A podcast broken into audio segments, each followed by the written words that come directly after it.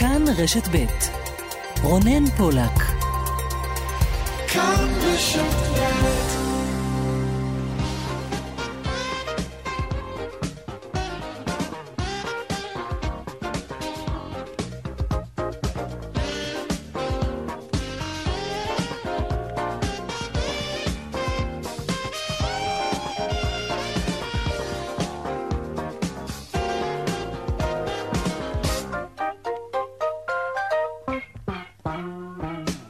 עכשיו ארבע ועוד ארבע דקות, צבע הכסף כאן ברשת ב', שלום לכם. על פי תקנות הסגר כפי שאושרו על ידי הממשלה, חנויות המוכרות מוצרים חיוניים יוכלו למכור את המוצרים הבאים. למשל, מקרר, תנור אפייה, תנור חימום, מזגן, בנוסף, מוצרים הדרושים לתחזוקת הבית, חשמל, גז, אינסטלציה, חימום, גם מוצרי תקשורת ומחשבים.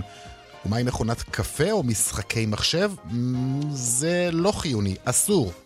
אז מה לגבי הסטוקים? בגדול, הם יכולים למכור, חנויות הסטוקים, מוצרים המוגדרים אה, חיוניים, סוללות, מסמרים, מסכות, שאר המוצרים אסורים. עכשיו עזבו היגיון שנייה, הפסקנו לחפש הרי היגיון בתקנות, גם אי אפשר באמת לאכוף תקנות כאלו ולבדוק בכל עסק מה הוא מוכר, מה חיוני ומה לא. ובכל זאת, בואו נדבר על קולגיאליות. ישנם לא מעט סטוקים ורשתות מזון שמנצלים את ההיתר שניתן להם כדי למלא את המדפים במוצרים שאינם מוגדרים חיוניים. חבריהם מנהלי חנויות הצעצועים למשל והאופנה, הם אינם יכולים לפתוח את העסק שלהם בסגר, בעוד עמיתיהם חוגגים על חשבונם. להתנהלות הזאת אין שום קשר לתקנות וגם לא לאכיפה. זה אפילו לא שאלה של הוגנות, זה פשוט להיות בן אדם. נקווה שגם נגד חזירות יימצא בקרוב החיסון. אולי.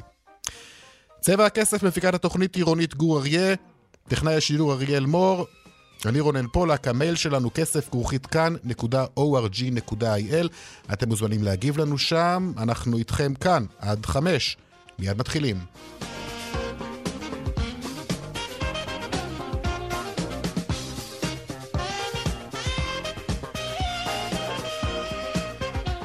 פותחים אה, כרגיל בחוטו צבע הכסף, תחילה לעלות הסגר, יש שיאמרו הכאילו סגר אם לשפוט על פי התנועה בכבישים ובערים. מכל מקום הכלכלנית הראשית אה, במשרד האוצר מפרסמת אומדן ראשוני לעלות הפגיעה אה, של התוצר בשל ההגבלות, אז כמה זה עולה לנו? שלום דנה ירקצי כתבתנו. שלום רונן. אז שלושה ימים לתוך הסגר והכלכלנית הראשית באוצר שירה גרינברג מעדכנת את מנכ"ל משרד הבריאות אה, חזי לוי כי עלות הפגיעה בתוצר של מדינת ישראל כתוצאה מהגבלות הסגר אה, עומדת על כשני מיליארד ו-400 מיליון שקלים לשבוע, וזאת לאחר שרק בחמישי האחרון, לפני הסגר, היא עדכנה, היא העריכה כי עלות הסגר עומדת על שלושה מיליארד שקלים. עכשיו, מאז אה, תוקנו תקנות אה, לסגר, ראינו שמערכת החינוך השתנתה ומערכת החינוך נפתחה בערים אה, שהן לא אדומות, כמו גם אפשר לראות את המצב בכבישים והתנועה הערה, mm-hmm. ומתוך ההערכה הזאת, שלושה ימים לאחר שאנחנו נמצאים ב... איך הגדרת את זה? כאילו סגר, אפשר להקטין את, את עלות הפגיעה לשבוע. דנה, תודה. ועוד בהשלכות הסגר, ביממה האחרונה נרשמו קצת פחות מ-16 אלף דורשי עבודה חדשים, ומיום ראשון, תחילת הסגר, נרשמו סך הכל כ-21,700 דורשי עבודה חדשים. בשירות התעסוקה מדווחים כי שליש מכלל הנרשמים ביממה האחרונה הם עובדים מתחום המכירות, ו-12% מתחומי הטיפוח, היופי, הספה והאופנה. אחרי המחאה תבוטל חובת הבידוד במלוניות הקורונה לשבים מחו"ל, וזאת בכפוף לבדיקת קורונה בשדה התעופה. שלום לך שרון עידן, כתבנו לענייני תעופה. כן, שלום רונן, זה קורה ממש לפני 20 דקות. שר הבריאות יולי אדלשטיין בעצם מוציא הודעה, שים לב לנוסח שלה, הוא מודיע בעצם לפקידות במשרד לקדם בהקדם האפשרי את תוצאתם של אה, החבר'ה שנמצאים כבר במלוניות, אבל בעיקר את העובדה שמי שחוזר מחו"ל לא יצטרך להיכנס אליהן. קחו בחשבון אה, כמובן שהדבר הזה ייקח לפחות עוד יממה אחת, הדבר הזה צריך לעבור שוב את ועדת החוקה, ולכן לא צפוי שאנשים אה, לא יעברו אליהם או ישוחררו מהם היום. זה יכול לקחת גם עוד יום, יומיים. מה שמשרד הבריאות בעצם יקדם הוא שתי בדיקות קורונה בהגעה לארץ, אחת מהן בין נתב"ג עם הנחיתה רונן, השנייה ביום התשיעי באזור המגורים של אותו אה, אדם, ואחרי שבעצם יהיו לנו שתי בדיקות ועשרה ימים, אפשר יהיה לשחרר את האנשים מבידוד, אבל כמו שזה נראה עכשיו, תוך יממה שתיים אין יותר מלוניות בישראל, פחות בשבוע לאחר שהם הוכרזו, יום רביעי ב-10 בלילה בשבוע כן, שעבר. ובכל מקרה חשוב לומר, כל המדינות אדומות עדיין, וכל מי נכון. שנוחת הולך לבידוד. אם לא במלונית, אז בידוד ביתי. נכון, כולם הולכים לבידוד בכל מקרה. כרגע עדיין הולכים למלוניות, יש לנו חמש טיסות שמגיעות מדובאי בשעות הקרובות, כולן מיועדות לפחות בנקודה הזאת, רונן, וזה חשוב, להגיע למלוניות. אני מניח שבוועדת החריגים אולי בנתב"ג יהיו קצת יותר קלים עכשיו לאור החדשות האלה, אני מניח. שרון עידן, תודה. תודה לך. התאחדות החקלאים מזהירה אם עד סוף השנה לא יוארך הפטור ממס מעסיקים על היטל העסקת עובדים זרים, חקלאים רבים פשוט אה, יקרסו. מזכ"ל התאחדות חקלאי ישראל, אבשלום אבו וילן, אומר לצבע הכסף כי על אף הגידול באבטלה, הישראלים ממילא לא באים לעבוד בחקלאות. 150 מיליון שקל עומדים להיגזל מהחקלאים על לא עוול בכפם. אני חושב שמישהו צריך להתעורר, להפסיק את זה. חמש שנים היה סידור שזה בוטל, ומשום מה הממשלה הזאת מתמהמהת. אני מקווה מאוד שבשבוע הקרוב יגיע הפטור והחקלאים יוכלו לנשום לרווחה. תעריף החשמל לצרכן הביתי ירד ב-1 בינואר ב-2% ו-3 עשיריות, כך הודיעה רשות החשמל לאחר שימוע ציבורי. ועוד בצבע הכסף בהמשך, האם המעסיקים יכולים לחייב עובדים להתחסן? נדבר גם על ענף התיירות הנכנסת לישראל, ענף שמושבת לחלוטין אה, כבר כמעט שנה, וההערכה היא שגם ההתאוששות שלו תהיה איטית. נדבר על החזרי מס, אוטוטו סוף שנה, על מה ואיך אפשר לקבל החזרים מהמדינה. נדבר על כך בהמשך, וגם הדיווח משוקי הכספים כרגיל לקראת uh, סוף התוכנית. צבע הכסף, עד חמש, מיד ממשיכים.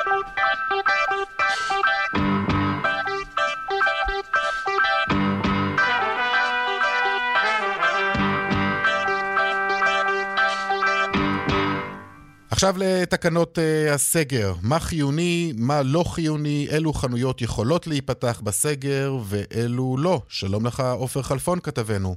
שלום רונן. עופר, כמו בסגרים הקודמים, גם הפעם עולה השאלה לגבי ההגדרה של uh, מה חיוני ומה לא, אלא שהפעם יש גם החלטה של בג"ץ בנושא הזה, שקוראת למדינה להגדיר uh, מה חיוני ומה לא, וזאת כדי למנוע קיפוח של uh, חנויות צעצועים למשל, לעומת הסטוקים.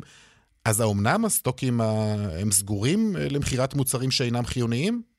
אז תראה, אז מבדיקה ככה שטחית שאנחנו עשינו היום, כשהתקשרנו לכמה חנויות סטוק, אז ביררנו, רצינו לבדוק אם יש צעצועים, אז המוכרים ככה אמרו לנו, כן, יש צעצועים. יש כאלה שבאמת נענו לאכיפה הזאת, יש כאלה שכיסו עם ניילון, כפי שביקשו בבג"ץ באותה עתירה של בעלי חנויות הצעצועים, יש כאלה שעשו את זה, אבל... במדגם, במדגם טלפוני שאנחנו עשינו הבוקר, יכלנו, יכלנו לבוא, לבקש לבוא ולקנות צעצוע. בואו נשמע את אחת השיחות שעשינו הבוקר. שלום, הגעתם לרשת ג'מבו סטוק. איכות מקסימום במחיר... ג'מבו שלום. שלום. רציתי לברר משהו, אתם פתוחים? אנחנו פתוחים כל יום מתשע עד תשע. ותגידי רגע, אני צריך צעצוע. יש לכם צעצועים? כי אמרו שמקסטוקים וכל מיני כאלה אסור להם למכור צעצועים. מותר לכם? יש לנו מחלקה מלאה של צעצועים, כן. אה, אין בעיה, אין לכם בעיה למכור צעצועים, או שלא לא הוציאו איזה בג"ץ או משהו כזה? לא שאני יודעת על זה, לא, אנחנו חנות חיונית, אנחנו מוכרים מסכות, אנחנו מוכרים אה, חומרי ניקוי. אה, וצעצועים זה חיוני? תלוי למי. כן, כן תלוי למי. תלוי למי. טוב, אה... עוד רגע נרחיב בנושא הזה, כי זה באמת אה, מעניין. אבל אני רוצה עוד לשאול אותך שאלה אחת לסיום, עופר, אה, אפרופו הסגר הזה בכאילו, כפי שהגדרנו אותו. יש טייק-אווי, אין טייק-אווי, נושא שעסקנו אתמול, אתמול עסקנו בנושא הזה גם בהרחבה, משהו שאנחנו יכולים אולי ללמוד אה, מהשימוש אז... באפליקציות של המשלוחים ממסעדות? כן, אז אם אנחנו יכולים ללמוד משהו באמת על הכאילו סגר הזה, זה על פי האפליקציית טנביס ווולט, בפלאפון מדווחים שהעלייה, סך הכל עלייה בשימוש באפליקציה הזאת ביחס לימים רגילים, לפני הסגר היא של 4% בלבד. וזה מלמד אותנו אולי על כך שבאמת אה, יותר אה, חנויות אה, נשארות, נותנות שירות של טייק אווי, ולכן יש פחות שימוש באפליקציות האלה של וולט וטנביס. אוקיי, עופר חלפון, תודה. תודה, רונן. שלום בני גרינאפל, מנכ"ל עידן 2000 וכפר השעשועים. שלום. שלום רונן, מה שלומך? תודה. ממה שאתה יודע, הסטוקים פועלים כרגיל? תשמע, אה, חלקם, אה, אני אגיד ככה, יש תהליך מתגלגל. אני, מה, מהמעט שאני בדקתי, נכון לעכשיו, יש לפחות חמישה יישובים שהפעילו את מדיניות החמץ לגבי הצעצועים. כלומר, מה, מדיניות החמץ זה אומר ניילונים או אה, בדים שחורים כאלו לכסות את המדפים האסורים. או חסמו, או חסמו את, ה, את, ה, את המעברים האלה, איפה שנמכרים צעצועים. במוצרים שאסור להם למכור. תראה, התהליך, התהליך הוא תהליך מתגלגל. אה, מדינת ישראל, אכיפה זה תהליך קשה, למרות שכמו שאנחנו יודעים, אתה יודע, אין ממש סגר. Mm. רונן, בוא נקרא לילד בשמו. אה, הסגר הוא סגר של המסחר. חוץ מהמסחר, אה, סגרו עוד איזה שניים וחצי מקומות עבודה שאף אחד לא יודע בדיוק איזה הם. כשמגדירים 50 אחוז, אני לא כל כך יודע להגדיר, אני לא שמעתי איזה 50 אחוז. לא ראיתי שביומיים האחרונים היה גידול מטורף ביוצאים לחל"ת. שמע, יש, יש איזשהו מסר באוויר שזה זה, זה סגר שקר, זה סגר שבר למסחר, תן לזה איזה טרמינולוגיה שאתה רוצה. מדינת ישראל ממשיכה באותה מדיניות, היא מחפשת את המטבע איפה שיש אור, לא איפה שהוא נפל. עכשיו, נורא קל לסגור את החנויות, נורא קל. עכשיו, אני, אתה יודע, אני קטונתי, אני לא משרד הבריאות, ואני לא רוצה להיות ראש הממשלה. אני בסך הכל מנכ"ל של שתי רשתות של זכיינים. עידן 2000 וכפר השעשועים, 77 חנויות, 77 זכיינים, קמים בבוקר למטה לחמם, הלכנו לבג"ץ, בג"ץ אמר, חברים, לחנויות פרטיות, תקשיב מה שאני אומר, לחנויות שאינם פארמים ואינם רשתות מזון, מותר למכור רק סחורה מורשית, או רק את הסחורה החיונית. אז הגזרה נפלה אתמול, נכון להיום, אנחנו יודעים על חמישה, על חמישה יישובים שבהם התהליך הזה נאכף, ושם באמת... מה זה נאכף? כלומר, מה, המשטרה מגיעה לכל חנות וחנות, בודקת מה, מה מוכרים שם? התשובה היא כן, נכנסים, אני אגיד את זה ככה, הרשתות שאסור להם למכור צעצועים יודעות. ההתנהלות כרגע היא התנהלות של מה שנקרא, אתם תמשיכו לעבוד, אם תבוא משטרה, אז תכסו. זאת אומרת, אין פה איזושהי לקיחת אחריות ברמה של הגינות. זאת אומרת, אם אני הייתי היום אה, כנראה על כיסא והייתי יודע שהחנויות שלי כנראה עוברות על החוק, לא בטוח שלא הייתי מוריד איזושהי הנחיה בנושא, ואני מדבר על כל הסטוקים, אני לא מדבר על סטוק מסוים. Mm-hmm. נכון לרגע זה, הסטוקים, מה שנקרא, מתנהגים כאילו שהם לא ממש מבינים מה קורה. אבל אם תרצה, אני בהזדמנות אשלח לך תמונות של חנויות של כל הרשתות של הסטוקים. לכל אחד יש חנות 2-3 שכבר אה, שמו, שמו אה, מה שנקרא את מדיניות החמץ, כמו שאני קורא לה. ומה שאתה אומר בעצם, הם, הם מוכרים את מה שאני לא יכול למכור. ברור, הם מעלימים עין, כאילו שזה בסדר. תגיד, אבל אני, עזוב, אני... עזוב שנייה, עזוב שנייה תקנות, מה אתה חושב על ההתנהלות הזאת של קולגות שלך, אנשים שאתה פוגש, אנשים שאתה רואה, אנשים שאתה מדבר לך, איתם? אני, אתה יודע, אני, אני בקטעים האלה אוהב להשתמש במינוחים של ילדים, זה לא פייר. זה לא פייר. זה לא תחרות הוגנת, אני בעד תחרות הוגנת, אני מכבד מתחרים, אני, אני, יש לי מתחרים שהם חברים טובים שלי משנים, זה לא פייר, יצאה תקנה, תכבדו אותה. עכשיו זה לגבי החברים שלי, זה לגבי משטר האכיפה, אבל יש לי איזושהי משאלה לגבי מדינת ישראל. יסבירו לי אה, אה, אה, מקבלי החלטות במדינת ישראל, שאלה אחת, קיבלו החלטה משכילה ומושכלת שלחנויות אסור, חנויות פרטיות אסור להם למכור מוצרים שהם אינם חיוניים. הם מתעקשים על ההגדרה שרשתות המזון והפארמים מותר להם למכור הכל. על מה ולמה? אתה יודע, הטיעונים בבג"ץ היו טיעונים מרתקים. הטיעונים היו ככה, אנחנו לא יודעים להגדיר מה זה מוצרים חיוניים, או נורא קשה לנו, והטיעון השני, אנחנו לא יודעים לאכוף. עכשיו מסתבר ככה, מסתבר שהם יודעים להגדיר מהם מוצרים חיוניים, ומסתבר שהם גם יודעים לאכוף כשהם רוצים. אז למה לא, למה, למה. אושר עז, או חצי חינם, או אה, שופרסל, מותר להם למכור צעצועים, ולרשת הג'מבוסטוק אסור למכור צעצועים? למה? מה ההיגיון? כן, לא, אמרנו, היגיון. קשה, למצוא כאן. לא, אה... אז, אתה יודע, אז יש עוד סשן אחד ביום שני הקרוב, בבג"ץ בירושלים, על התשובה של המדינה. ואני מקווה ששם יבוא בג"ץ ויגיד, מדינת ישראל היקרה, נא לאכוף את אותה גזרה לכולם. אם יש מוצרים לא חיוניים, מדיניות החמץ תקפה בג'מבו סטוק ובסופר סטוק, וגם בסופרסל וגם בחצי חינם. כן. אבל בשביל זה צריכים אנשים להסתכל לאזרח בעיניים. אל תשלח אותי לריב עם הסטוק, אל תשלח אותי לריב עם סופרסל, אל תשלח אותי לריב עם בעל הנדל"ן שלי, תכבד אותי, תחשוב איך אני מרגיש ומה אני צריך, אני צריך לחיות עם האנשים האלה גם מחר. אתה מדינת ישראל, אתה החוק, אתה האינסטנציה שמחליטה ומובילה, אתה קובע מה טוב לבריאות שלי, תקבע גם מה טוב לבריאות הנפשית שלי. אני לא רוצה לריב עם אנשים, אני רוצה לחיות פה בהנאה ובשקט ובהרגשה של הגינות מצד השלטון ומצד האזרחים ומצד הקולגות שלי. תשמע רונן, כן. ימים לא פשוטים, בהחלט ימים לא ימים לא פשוטים. פשוטים. כמה זמן אגב הייתם פתוחים? כמה זמן אנחנו סגורים. לא, אנחנו- היית- תשמע, הייתה אנחנו- הייתה עכשיו תקופה של כמה שבועות ש- שהיה פתוח. תקשיב, יש לי חנויות רחוב, חנויות בביגים וחנויות בקניונים. בקניונים היינו פתוחים שבועיים וחצי. אהה. יש לי חנויות קניונים שהשנה חמישה חודשים היו סגורות. תגיד, את מישהו זה מעניין בכלל? ממשיכים לחפש את המטבע איפה שיש אור. קצת, קצת רגישות. חנויות הביג היו סגורות השנה ארבעה חודשים. חנויות הרחוב היו סגורות שלושה וחצי חודשים. תגיד, ו- ויסבירו לנו שיש תוכניות והאוצר משחרר כספים. למי? תשלחו אותי למקום איפה שמחלקים את הכספים, אני צריך בשביל האנשים שלי. יש לי אנשים שקשה להם לשלם את השכירות, אני לא מדבר על משכורות. כן, תשמע, הדברים ימים, ברורים. ימים לא פשוטים, בהחלט טוב, נקווה שאנחנו לקראת. ה- שרואים כבר את הסוף, נקווה לפחות.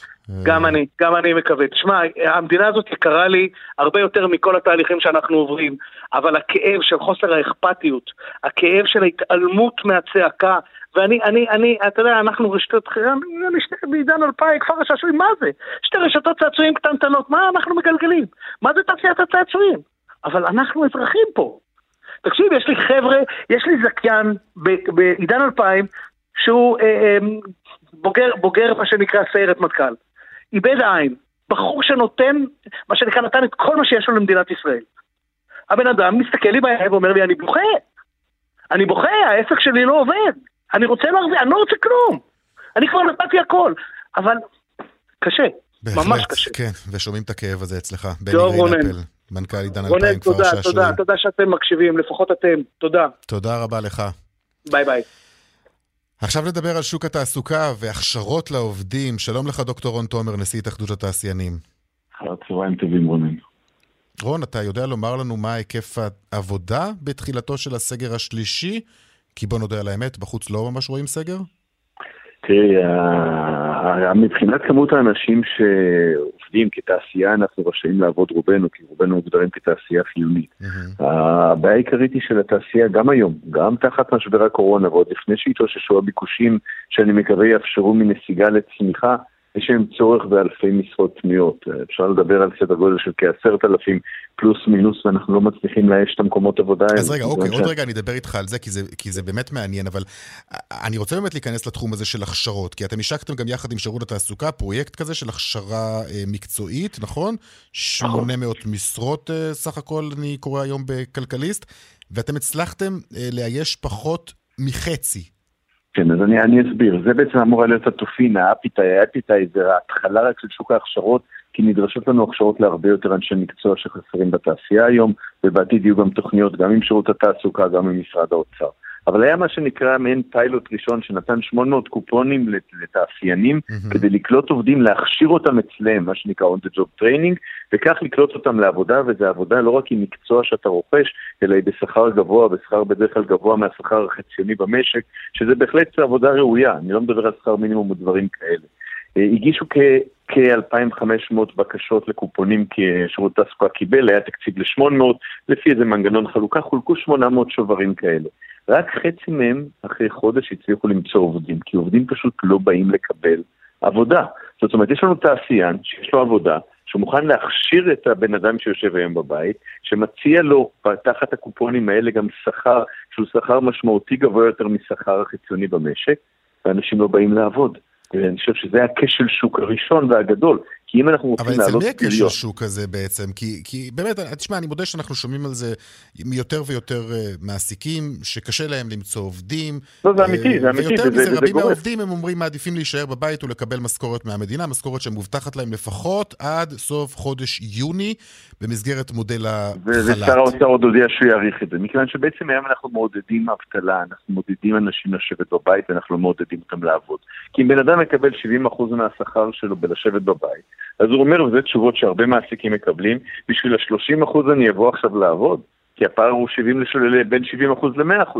וחלקם גם עושים מה שלצערי, עובדים קצת בשחור, וההכנסה שלהם אפילו גדולה יותר.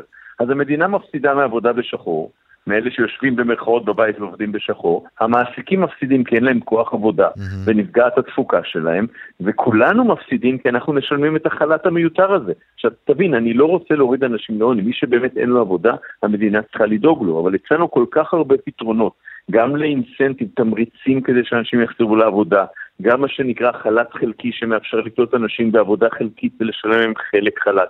גם איזה- המודל איזה משרות? הגרמני... איזה משרות פנויות היום? כמה משרות? מה השכר? בוא תגיד לנו. תראה, אני, אין, אין לי כרגע את הטבלה מולי, אז אני לא רוצה סתם אוקיי. לתת מספרים לא מדויקים, אבל מדובר על הרבה משרות מקצועיות בתעשייה, שנדרשת להם הכשרה, ממשרות בסיסיות כמו של נקרא לזה צווארון אה, כחול, של רתכים, מבלטנים, מבנאים וכולי, עד מפעילי מכונות CNC ותוכניתנים, ואת משרות גם יותר גבוהות שגם מרוויחות הרבה יותר מזה, הן כולן פנויות ואין אנשים. כי אנשים חדשים היום לא מוכנים לבוא.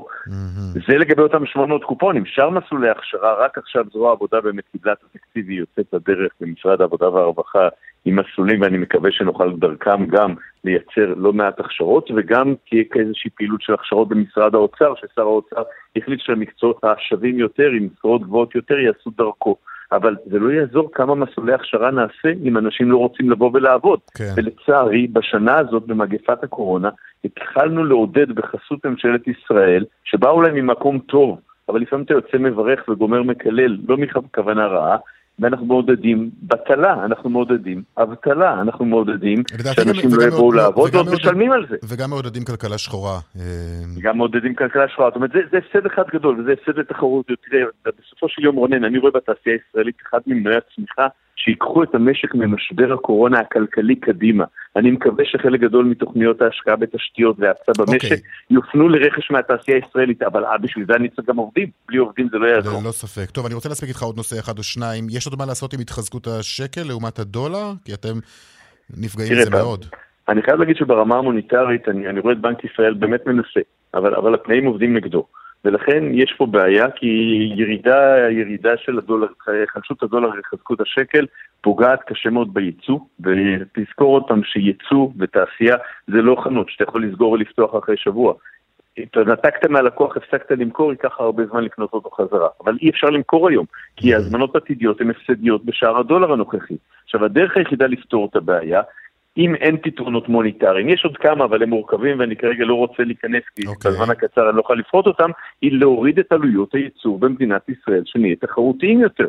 הרגולציה במדינת ישראל, העלויות הנוספות שיש לנו מסביב הן מאוד מאוד מאוד גבוהות, ואם אני צריך למכור בזול כי שער הדולר נמוך לחו"ל, אז לפחות תנו ליצואנים איזשהו פיצוי. הרי ברור לכולנו שאם אתה נפגעת מהקורונה ויש לך עסק וירדת ב-25% מהמחזור בגלל הקורונה, תקבל פיצוי מהממשלה.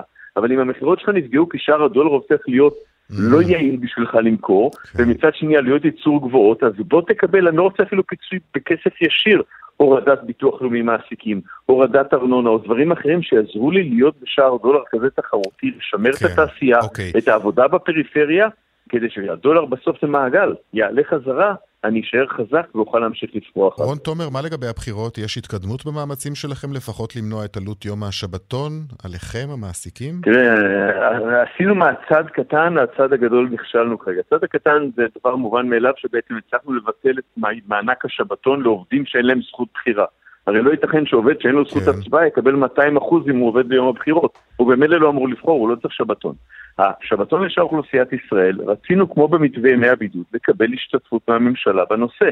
אבל לצערי, למרות גישה מאוד חיובית בוועדת הכספים, סביב המשמעת הקואליציונית הפילו את זה כרגע, וצריך להבין דבר אחד, זה יום הבחירות החמישי בשנתיים האחרונות. כל יום בחירות עולה למשק 2 מיליארד שקל. מצב העסקים במשק, לא צריך להסביר לך רונה, הם כולנו רואים. האם זה נראה לכם ריאלי שאנחנו נטיל את זה עליהם? שוב, זה שהמערכת הפוליטית שלנו כל כך עקומה ולא מצליחה לייצר יציבות, אז חבר'ה, נכשלתם, לא הצלחתם להחזיק ממשלה, לפחות תשפו אותנו, זה לא נורא נחמד לצאת לבחירות, כן. לתת שבתון, ושאנחנו המעסיקים נשלם את זה.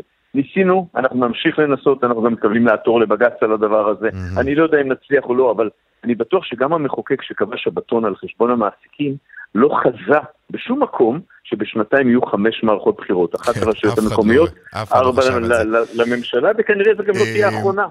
רון תומר, שאלה אחרונה ממש לסיום. מבצע החיסונים, האם אתם המעסיקים פועלים כדי לעודד עובדים להתחסן? אתם יכולים בכלל לחייב את העובדים כן, לקבל בשלב, חיסון? בשלב, בשלב, בשלב הנוכחי החיסונים לא פתוחים לכולם. אנחנו פנינו למשרד הבריאות ומחכים להחלטות. כי כמו שחלק מהתעשיות שלנו הוכרזו חיוניות, הם גם משק לשעת חירום וכולי, להבטיח אספקה של מזון, תרופות, טואלטיקה ועוד, לקבל איזשהו תעדוף בחיסונים לעובדים גם אם הם לא מעל גיל 60. אנחנו בהחלט נעודד את העובדים שלנו להתחסן, כי אנחנו חושבים שהחיסון הוא הפתרון האמיתי לבעיית הקורונה. אבל עדיין אני חייב לומר ש... ואני צריך שתהיה זמינות של חיסונים, ואני מאוד קורא לממשלת ישראל פה, כשמגיעים לגל השני של התעדופים, מורים, שוטרים, שבהחלט ראויים, לקחת גם לפחות 50 אלף עובדים מהתעשייה, אנחנו יודעים איך לספור אותם, למי מגיעה קדימות, כי הם, אמרתי, גם בשעת חירום נחשבים גופים שמרתקים את העובדים אליהם, ולפחות שהם יוכלו לעבוד. אני אגלה לך, מבלי להגיד שמות, שבמהלך משבר הקורונה היינו על הקשקש שמרכז לוגיסטי במפעל מזון אחד מהגדולים בארץ לא יצליח לספק תוצרת בגלל עשרות בידודים, ומפעל כימי הגדול, שיש לו הרבה ייצוא, כמעט נעצר גם כן בגלל המון בידודים, ואם אנחנו נוכל לחסן ולהימנע מזה, להבטיח את שרשרות האספקה, לשמור גם על עצמאות יצרנית ואספקה וגם על כלכלת ישראל, ולכן זה חשוב, אני מחכה להחלטת שר הבריאות בנושא הזה. דוקטור רון תומר, נשיא התאחדות התעשיינים, תודה רבה לך. תודה לך רונן. ממשיכים בנושא החיסונים. שלום עורכת הדין סיגל פעיל, מומחית לדיני עבודה. שלום רב. אפשר לחייב עובד להתחסן? לא. כמובן שאי אפשר לחייב עובד להתחסן, זה קשור אליו ולגופו, ועדיין יש לנו את הברירות להתחסן או לא, אבל מעסיק בהחלט יוכל ברגע שהחיסונים יהיו זמינים ואפשריים ונגישים לכולם, וכמובן ללא עלות, אה, מעסיק יוכל לבחור לשמור על העובדים שלו מפני המגפה הנוראית והמשתקת הזאת ולומר, אני אה, מוכן שאצלי יעבדו רק עובדים שהתחסנו. אה, באמת? ומה זאת אומרת, הוא יכול פשוט אה, למנוע מעובד להגיע, או שהוא יכול אפילו לפטר אותו?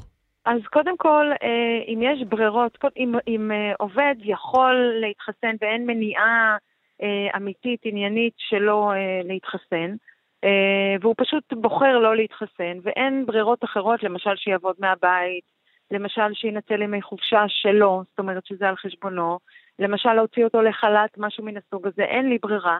אני בהחלט אומר, אתה לא יכול להיכנס אליי ל... למקום העבודה, משום שאני מחויב לביטחון ולבטיחות ולבריאות העובדים שעובדים תחתיי. אני אחראי לסביבה מוגנת מפני הטרדות מיניות, מפני התנכלות, מפני סיכונים תברואתיים, מפני מגפות, ככל שיש מוצא מפני כל אלה. ו- וזה בהחלט לגיטימי שאני אומר, אתה, אין, אין סיבה עניינית שאני יכול בכלל להתמודד איתה, אלא אתה פשוט מתעקש לו. אצלי, אני לא אה, מסכים שעובדים כאלה יעבדו ו, אה, ויחשפו את שאר העובדים שלי ואת העסק שלי למשבר. אוקיי, תגידי, ומה לגבי, שמענו גם על תמריצים כספיים שמקומות עבודה נותנים לעובדים כדי uh, להתחסן, גם יש זה... מקומות עבודה, נכון, יש מקומות עבודה שמעודדים ככל שזה אפשרי, כן, כרגע mm-hmm. uh, אנחנו יכולים לשבת ולעודד, אבל uh, מישהו מתחת לגיל 60 עדיין לא יכול ללכת להתחסן. אבל כן, יש uh, מעסיקים שבהחלט כבר uh, uh, מתכוונים ונערכים בשביל uh, ולתמרץ עובדים uh, להתחסן. יש עורכי דין שאומרים שזה נראה להם לא מוסרי לתמרץ עובד לפעול, לפעול uh, לפי uh, מיטב ההיגיון הבריא, כמו שאי אפשר לתמרץ, זה לא טוב לתמרץ עובד לעבוד לפי החוק, אבל אני לא חושבת שזה המצב, אני חושבת שאנחנו במצב חדש.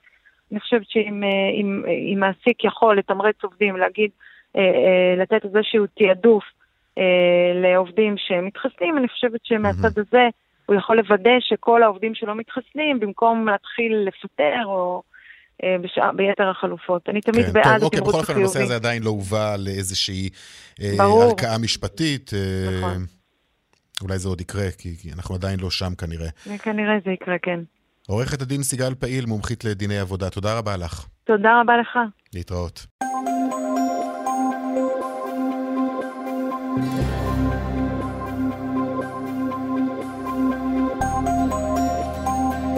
אלו הדיווחים מכאן מוקד התנועה, דרך אה, ארבע צפונה עמוסה מבצרה עד מחלף הדרים, בדרך שש צפונה עמוס ממחלף אה, קסם עד מחלף אייל, באיילון דרומה עומס תנועה ממחלף ארלוזרוב עד לגוארדיה. דיווחים נוספים בכאן מוקד התנועה כוכבית 9550 ובאתר שלנו.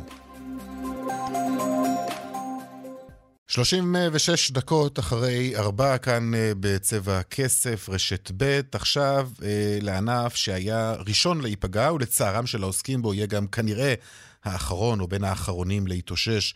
שלום לך יוסי פתאל, מנכ"ל לשכת מארגני תיירות נכנסת לישראל. שלום וברכה. יוסי, אתה יודע לספור אם יש בכלל תיירים בארץ בתקופה הזאת? ואנחנו מדברים על חגי אה, חודש דצמבר של הנוצרים, חג המולד, השנה לא. הכללית החדשה, תקופה לא, לא. שבשגרה מן הסתם אי אפשר בכלל היה לדבר איתך, נכון? היה אפשר לדבר איתי דווקא, כי הייתי פונה כל הזמן. אה, לא, אנחנו עדיין לא יצאנו מהסגר הראשון. אנחנו עדיין בסגר, אנחנו עם אפס פעילות ממרץ. אזרחים זרים לא יכולים להיכנס לארץ, אנחנו מבודדים מהעולם בכל מה שקשור לתנועת זרים. אה, למרות שאפשרנו לישראלים אה, לנסוע להרבה מאוד מדינות ירוקות, לא אפשרנו לאזרחים מאותן מדינות שרצו להגיע לכאן, אפילו עם בדיקה, להבדיל ישראלים שחזרו ללא בדיקות, אה, לא אפשרו להם להיכנס. ועכשיו, כשהתחילו עם המהלך הזה של החיסונים, וברור שעד סוף מרץ נהיה מחוסנים, כרגע המדינה מקבלת החלטות בטווחים של 24 עד 48 שעות. אנחנו מבקשים שיודיעו ש... אנשים מחוסנים מהעולם יוכלו להיכנס לישראל מהראשון לאפריל למשל. ואם ישראלים יוכלו לנסוע למדינות ירוקות, שמשם יוכלו להטיע תיירים אה, עם בדיקות קורונה או חיסונים, mm-hmm. כיוון ש-20% ממקומות העבודה בפריפריה תלויים בקבוצות מאורגנות של תיירים. כן, אבל צריך לקחת בחשבון גם שהמהירות שבה המבצע הזה מתנהל בישראל, Mm-hmm. זו לא אותה מהירות, ש... זה לא אותו קצב אה, כפי שקורה בעולם. כלומר, אתה צריך לחכות ולראות מה קורה מבחינת חיסונים גם במדינות לא, העולם, כדי לא, לדעת לא, מתי לא. יגיעו תיירים. תראה, קודם העובדה כל... שהאוכלוסייה שלנו תהיה מחוסנת היא כמובן לא מספיקה. למה לא? אם, ברגע שאתה תתחסן, אתה תוכל לנסוע לכל מקום בעולם ולחזור ללא בידוד וללא בדיקה. ברגע שמדינת ישראל תסיר את, אנחנו לא מבקשים להגדיל סיכון להפך. אגב, מדובר על כניסה של תיירים בקבוצות מאורגנות. שמתנהלות בארץ בצורה נפרדת, מפוקחת, מנוטרת, עם אפליקציות, בשעות יהודיות באתרים וכולי. אנחנו אה, אה, לא מדברים על איזושהי אה, תנועה חופשית. אה, התיירות הנכנסת היא ענף הייצוא הרביעי בגודלו בכלכלה של המדינה, והרבה מאוד מקומות עבודה בפריפריה, נצרת, טבריה, עכו, בחיים לא יחזרו לאיתנות כלכלית עד שלא יהיו להם תיירים ברחובות. אני לא מדבר על ירושלים ותל אביב כמובן. אה, אנחנו מדברים כאשר שמבחינה רפואית הדבר הזה איננו מהווה שום סיכון, אה, ואנחנו נוריד את המסכות, ורוב האוכלוסייה כבר תהיה מחוסנת, אין סיבה, למשל, לא לקבל תיירים שכבר מחוסנים. Mm-hmm. כרגע הדבר הזה, עכשיו, אנחנו בשביל לארגן קבוצות, יש לנו אגב קבוצות אה, שאומרות, מוכנות לעשות עסקאות בתנאי שהן יהיו מחוסנות. אנחנו לא יכולים לאשר להם את זה. אה, הרבה מאוד קבוצות שרוצות להגיע לארץ כבר, אה, אה, אנחנו לא יכולים לנהל את המשא ומתן. כן, יש לכם כאלה רשימות המתנה כאלו של אנשים שאומרים אנחנו מוכנים להגיע? ברור, ברור, יש קבוצות שאנחנו כבר מגלגלים אותם חצי שנה, כל פעם דוחים את התאריכים. אנשים רוצים להגיע לכאן. מאיזה מדינות? כמעט מכל מקום בגלובוס. תראה, אנחנו נראים יותר טוב מבחוץ איכשהו, אני לא יודע מה, איך זה קרה. אף אחד לא חושב עלינו מה שאנחנו חושבים. אגב, זה לא בושה, זה בסדר, אם מבחוץ אנחנו נראים נכון, טוב, זה נכון. בסדר. יותר מזה, תקשיב, עם המבצע חיסונים האדיר שאנחנו עושים עכשיו, זה קמפיין מדהים שאנחנו יכולים לעשות, שנהיה המדינה הראשונה בעולם שהיא מחוסנת, שאומרת אנחנו מתכוננים לקראתכם, תתארגנו לבוא לישראל, והדברים האלה לא נעשים, לא נעשה שום דבר, הכל תקוע. למרבה הצער על שולחנו אה, של שר הבריאות. למה, למה תקוע בעצם? אתם מנסים למצוא איזושהי אוזן קשבת לפתרונות לא, לא האלו שאתם מציעים? כבר סגרנו מתווה מפורט שמקובל על פרופסור גרוטו והגורמים המקצועיים האחרים לכניסת תיירים במתווה מסודר, מאורגן, נפרד בטוח.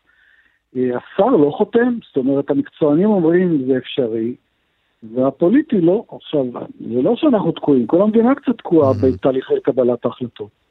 ואם אנחנו הולכים להיות הראשונים בעולם להתחסן, למה לא להתארגן? לא ביקשנו להכניס מחר. תגידו לנו להיערך לקראת אפריל, אה, כפוף ל- לזה שהם לא יהיו שום, אבל לא אומרים כלום. כן. אפס מידע, והדבר הזה אה, הוא מזיק אה, בצורה אדירה. אה, בסוף לא יגיעו לכאן. אה, באמת, הפרדוקס הזה שישראלי יכול לצאת להרבה מאוד מדינות ומאותם, ולחזור בלי שום בדיקה. לא, בסדר, מדינות, חוזרים לבידוד, אחד- אבל גם את זה צריך להגיד. רק עכשיו. כן. כשהמדינות היו ירוקות, וזה עדיין נכון, היו כמה מדינות כאלה, נכון. אז היה אפשר לחזור, אז אמרנו, אוקיי, התיירים שמגיעים לשם, שכן יעשו בדיקות. מהמם. והתנהלו בצורה אה, מבודלת ו- ונפרדת וכולי, שום כלום. אה, אנחנו חושבים שצריך להתעורר. אה, ומה, ואתה חושב שהמדינה לא עושה די עבור המגזר שלכם? אני מנסה להבין למה בעצם. מה זה די? לא עושה כלום. למה? אתה שמעת, אתה שמעת על איזושהי אה, אה, היערכות, מתווה, שהדברים ההגיוניים שעכשיו אמרתי לך, אומרים בואו נתחיל לעבוד, אנחנו, תבין, בשביל להביא לכאן קבוצת תיירים אנחנו צריכים לעבוד שלושה ארבעה חודשים. צריך לקנות כרטיסים, להזמין בתי מלון, לעשות הרשמות בחו"ל, זה לא דבר שהוא של מה בכך. טוב, נכון, אבל אתה יודע, בתקופה הזאת אנחנו באמת חיים אה, מיום ליום ככה, אתה רואה החלטות מתקבלות, אה, זה, זה אי אפשר, אין ספר לניהול מגפה, זה בדיוק, זה בדיוק העניין, ו, ו, ואתה לומד ככה אבל עדיין, אני מסכים מיום איתך. ליום. אנחנו מסכים איתך, אבל סביר להניח שבאפריל יהיה אפשר להתחיל להכניס קבוצות או תיירים בצורה מבודלת, התשובה היא כן. עכשיו, אנחנו לא ביקשנו התחייבות. בואו נגיד שזה התכנון. העולם אומר לנו, הוא מנסה לדבר איתנו, הוא אומר, תגיד מה יהיה, איך זה יתנהל. רוצה אופק. אנחנו לא יכולים כן. לענות, רוצים להיערך. לא בהחלט. לעשות ועוד לא להכניס. להיערך, זה, זה, זה לא מסכן אף אחד, נכון? אה, אה, והעולם אוקיי. ממתין לנו, ואנחנו קוראים לממשלה להתעורר. יוסי פתאל, מנכ"ל לשכת מארגני תיירות נכנסת לישראל, תודה רבה לך. תודה לכם. Uh, טוב, לא בענייני קורונה, אבל עדיין בתחום הבריאות, תרופות, יותר נכון תרופות ללא מרשם. האמת חשבתי שהמחיר הוא מפוקח וקבוע עבור התרופות האלה, אלא שמתברר שיש אה, פערי מחירים בין הפארמים ובתי המרקחת, גם כשמדובר uh, בסתם אקמול. שלום דפנה הראל כפיר, אתר פואנטה. איתנו? לא, לא איתנו? טוב, אז בואו נעשה דיווחי תנועה קצת, אה, ואז אה, נעבור לנושא הבא שלנו. דיווחי תנועה.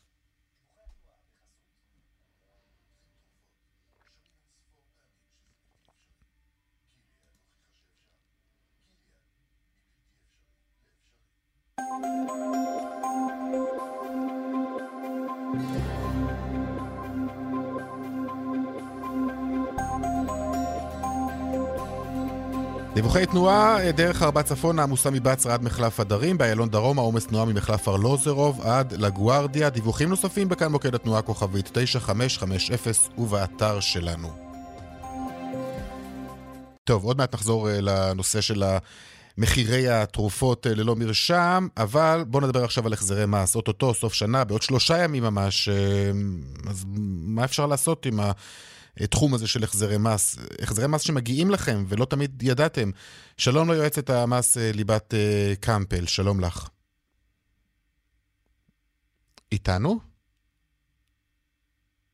מה? יש לנו כאן בעיה עם המערכת, שהמרואיינים אה, לא נכנסים לשידור? יכול להיות שזה קורה? אז מה, יש איתנו מישהו על קו הטלפון עכשיו? מי איתנו? דפנה, אוקיי. דפנה הראל כפיר, אתר פואנטה, שלום. היי, מה נשמע? בסדר, טוב, קפצנו ככה מנושא לנושא בגלל איזושהי תקלה שהייתה לנו כאן, אבל...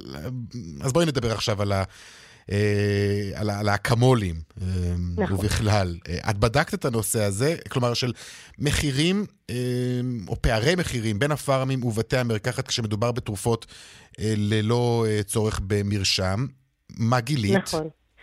אז תראה, נכון שאנחנו מאוד מאוד עסוקים בענייני קורונה, אבל בסוף אה, לפעמים אנחנו סתם מנוזלים וסתם כואב לנו הגרון ואנחנו רוצים תרופות אה, בסיסיות, כמו אקמול, אה, אופטלגין, אדוויל, נורופן. לגמרי. תרופות שאפשר לקנות ללא מרשם. ורוב האנשים חושבים שתרופות מהסוג הזה, אפשר, בכל מקום שהם יקנו אותם, הם ישלמו את אותו מחיר, כי חושבים שהמחיר מפוקח או שאין תחרות. והבדיקה שאני עשיתי מגלה שזה ממש ממש לא נכון. זה כן נכון שיש פיקוח על המחירים, אבל הפיקוח הוא על המחיר המרבי, זאת אומרת, אי אפשר למכור ביותר ממחיר מסוים, אבל בהחלט אפשר למכור בפחות. וזה באמת כך, יש כאלה שמוכרים במחיר יותר נמוך מהמחיר המרבי, ואם אתה הולך לרשת הפארמה הקרובה לביתך ופשוט מושך מהמדף את האריזה של האקמול או האופטלגין, בדרך כלל אתה תשלם את המחיר הכי הכי גבוה, וממש חבל, כי בעצם אנחנו הרי מדברים על מוצר שהוא תמיד זהה, זה לא שיש פה עניין של טעם או ריח או שאתה מעדיף אותו. זה, אקמול הוא אקמול ואופטלגין הוא אופטלגין, לא נכון. באמת כדאי לשלם סתם יותר. אז יש גם הבדלים בין רשתות הפארם לבין בתי מרקחת אה, פרטיים, וגם אה, בין אה, בתי המרקחת של קופות החולים עצמן. אם אתה מבוטח בקופת חולים, ומן הסתם כל אחד מאיתנו מבוטח, mm-hmm. אז בדרך כלל בבית המרקחת של הקופה המחיר יותר נמוך, וגם בין הקופות עצמן יש פערים, זאת אומרת, האופטלגין במכבי לאו דווקא יעלה אותו דבר כמו בכללית. טוב, העניין הוא, בסופו של דבר זה הזמינות של המקומות, את יודעת, כן, כי, כי ליד כל בית בערך יש איזשהו, את הפארמה קרוב לביתך, מה שנקרא, ואז אתה גם הופך להיות לקוח די שבוי. נכון, אבל מצד שני, אני, קודם כל אני מסכימה איתך, זה עניין של נוחות ועל זה גם משחקים פה. Mm-hmm. אבל מצד שני, קח בחשבון שאנחנו קונים את זה פעם בזמן, וכמעט כולנו מגיעים מתישהו לרופא או לב, לבית מרקחת של אה, הקופה שלנו בכל מקרה, אז זו כבר הזדמנות להצטייד ולנצל את ההזדמנות הזאת ולקנות את זה יותר בזול. להצטייד באקמולים, כן, אז כן, כדאי לבדוק את זה. אני מדברת איתך על פערים שמגיעים ל-15 אה, שקל לחבילה אחת, חפיסה אחת, שזה הרבה כסף. וואו. ועוד טיפ אחד ממש ממש חשוב, רובנו, כשאנחנו הולכים לחנות וקונים אה, מהמדף, אנחנו לא יודעים שאם נעמוד בתור לבית המרקחת, נשלם פחות. למה? כי המוצרים שעל המדף הם מוצרים שמראש הוקטנו.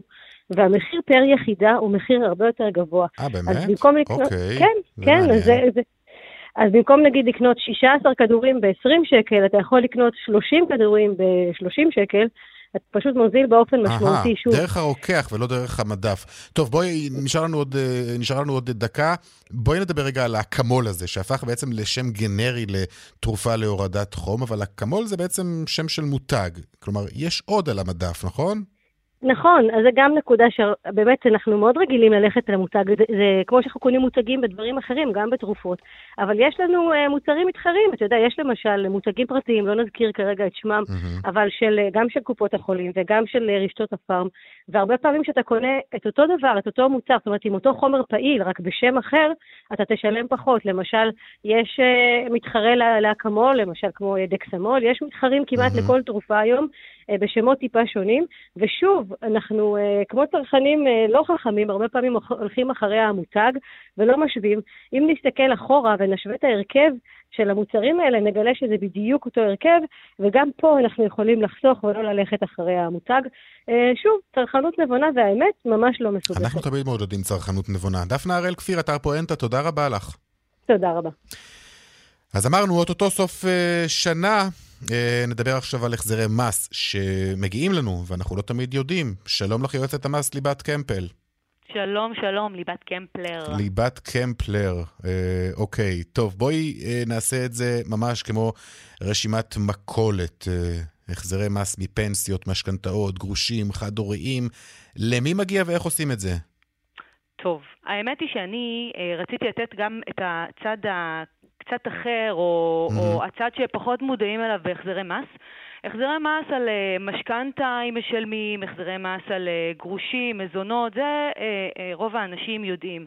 אני רוצה להתמקד דווקא היום בתחום שפחות uh, uh, בעצם uh, מתעסקים בו, שזה החזרי מס דווקא לפנסיונרים. פנסיונרים הרבה פעמים לא מודעים להמון הטבות שמגיעות להם, בטח ובטח אחת לשנה.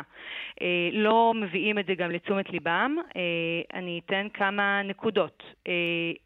הרבה פנסיונרים מחזיקים כספים בבנק, כספים בבנק בפקדונות, כספים בבנק בתוכניות חיסכון או בבתי השקעות. אה, מותר להם, אה, על פי אה, חוק פקודות מס הכנסה, לקבל חלק מהריבית שהם משלמים עליו מס, עליה מס, בחזרה.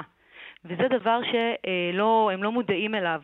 אה, הבנק, ברגע שיש פקדונות שאנחנו מבצעים בהם פדיון ומחזירים אותם לחשבון הבנק שלנו, הבנק אוטומטית מנקה מס. מס רווחי הון זה נקרא, וייתכן מאוד שמרבית הפנסיונרים שמנוכה מהם המס הזה, בלי שהם ידעו בכלל, מגיע להם חזרה. אז המלצה ראשונה שלי, פנסיונר פנסיונרית אה, או אנשים שהם בגיל פרישה וגם ממשיכים לעבוד ויש לכם פקדונות אה, אה, או תוכניות חיסכון בחברות ביטוח או בבתי, בבנקים, כדאי לכם לבדוק החזרי מס. מה, מה זה לבדוק החזרי מס? איך בודקים החזרי מס? את מדברת על פנסיונרים, הרבה מאוד מהאנשים האלו אה, לא ממש יודעים איך עושים את זה, אלא אם כן יש להם איש מקצוע שעושה עבורם את זה. נכון. אז קודם כל, זה נכון. אה, אם, אתה לא יודע, אם לא יודעים לעשות, אז באמת כדאי להיעזר באיש מקצוע, גם אם משלמים לו איזושהי עמלה, mm-hmm. עדיין זה מס שהוא מחזיר לכם בחזרה. אה, אפשר גם אה, להשתמש בבן משפחה, מישהו, נכד, מישהו שיודע אולי יותר טוב. בדיוק, זה בדיוק השלב הבא. אה, בעצם הרבה פנסיונרים בכלל מפחדים לגשת לדבר הזה, או בכלל לבדוק. ואז אני משדלת, במרכאות, את הילדים של, את הנכדים של, ואני אומרת, גשו לבנק יחד עם סבא, יחד עם אבא, יחד עם אימא או סבתא, תבקשו מהבנק טופס שנקרא 867, על אחת כמה וכמה אם יש כמה בנקים אה, אה, שבהם אה, מנוהל, מנוהלים חשבונות פקדונות, ולהוציא מהבנקים טפסי 867. בטפסים האלה בעצם אנחנו יכולים לראות כמה ריביות אה, היו אה, לאורך השנה וכמה מס נוכה בגינם. ואז בודקים דרך הליך של החזרי מס אם ניתן להחזיר, ובמרבית המקרים ניתן להחזיר מס חזרה, ואפילו די הרבה אה, מאותם אה. מיסים ש... ירדו. עכשיו, תגידי, אה, לא שאני רוצה להלחיץ, אבל אנחנו, את יודעת, אותו סוף שנה, אלה פעולות שאפשר לעשות רק עד סוף השנה? או שאפשר גם אחר כך? אפשר גם אחר כך. בעצם השנה מס הכנסה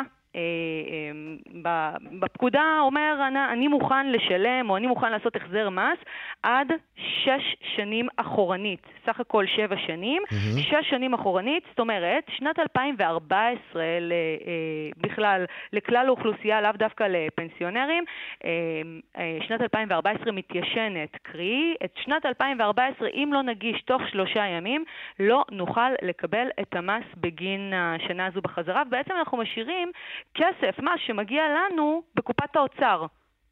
שעל אחת כמה וכמה בתקופה הזו של הקורונה אנחנו אה, אה, יודעים אה, כמה זה קשה ובעיות של הכנסות. הדבר הזה יכול להוות איזושהי הכנסה מאוד יפה לתקופה ולעזור לנו בהתנהלות יומיומית. טוב, עדיף שהכסף הזה יהיה אצלנו מאשר אצל המדינה. המדינה אוהבת את הכסף שלנו. חד משמעית, חד כן. משמעית. בכלל, פנסיונרים זה, זה תחום שהרבה לא. יודעים מעבר לתיקון 190 שכולם מדברים עליו, לאו דווקא קופות גמל לפי תיקון 190. או סעיף 125 דעת לפקודת מס הכנסה, שגם זה אה, משהו שכדאי מאוד לבדוק. אני ממליצה מאוד, חבר'ה צעירים או, אה, שיכולים לפנות לסבא, סבתא, אמא, אבא, לעזור להם בבדיקה, אפילו לפני תום השנה. אני ממליצה מאוד, ולהיעזר באיש מקצוע אם לא יודעים. מרחוק, כמובן. אנחנו עדיין בתקופת ריחוק. אוקיי, נכון. ליבת uh, קמפלר, יועצת uh, המס, ליבת קמפלר, תודה רבה כן. לך. תודה לכם, תודה. להתראות. ביי ביי. עכשיו אה, אנחנו נדבר על אה, ישראייר אה, ומה שמסתמן שרמי לוי הוא שצפוי לרכוש את חברת התעופה ישראייר ב-162 מיליון שקלים. הנה הדיווח של שרון עידן, כתבנו. כן, שלום רונן. כמו שזה נראה, עכשיו מסתמן שרמי לוי יהיה הבעלים החדשים של חברת ישראייר, וזה אחרי שעורך הדין אופיר נאור, אותו נאמן לנכסים של IDB, בחר בהצעתו של אה, רמי לוי ביחד עם אה, BGI לרכישת חברת התעופה. אה, כמו שזה נראה עכשיו, הסכום שהוא ישלם יעמוד על 162 מיליוני שקלים, ובעצם הקבוצה הזאת תחזיק יותר, קצת יותר מ-50 אחוז, 51 אחוזים ממניות ישראייר. אה, בסופו של דבר, אם אכן הדבר הזה יוצא אל הפועל, וככה זה גם נראה, ייתכן שאנחנו נראה גם שינויים, רונן, בפעילות של ישראייר, משום שרמי לוי עצמו התבטא ואמר שאם הוא יזכה בחברה, כאמור 162 מיליון שקלים, הוא אה, ידאג לכך שהיא לא תפעל בשבתות, אם תרצה במודל שדומה לאל על. יהיה מעניין לעקוב ולראות אם אכן זה מה שיקרה. כרגע ישראייר וארקיע כן פועלות בימי אה, שבת, לפעמים זאת גם הדלתא שלהם על חברת אל על ועל חברות אחרות, אבל כמו שזה נראה עכשיו, אה, עוף בשקל וחברת תעופה. גם כן בשקל, רמי לוי, כנראה הוא הבעלים כן. הבא של חברת ישראל. תודה, שרון. עכשיו לעדכון משוקי הכספים. 102 bid for 108. 200, take them.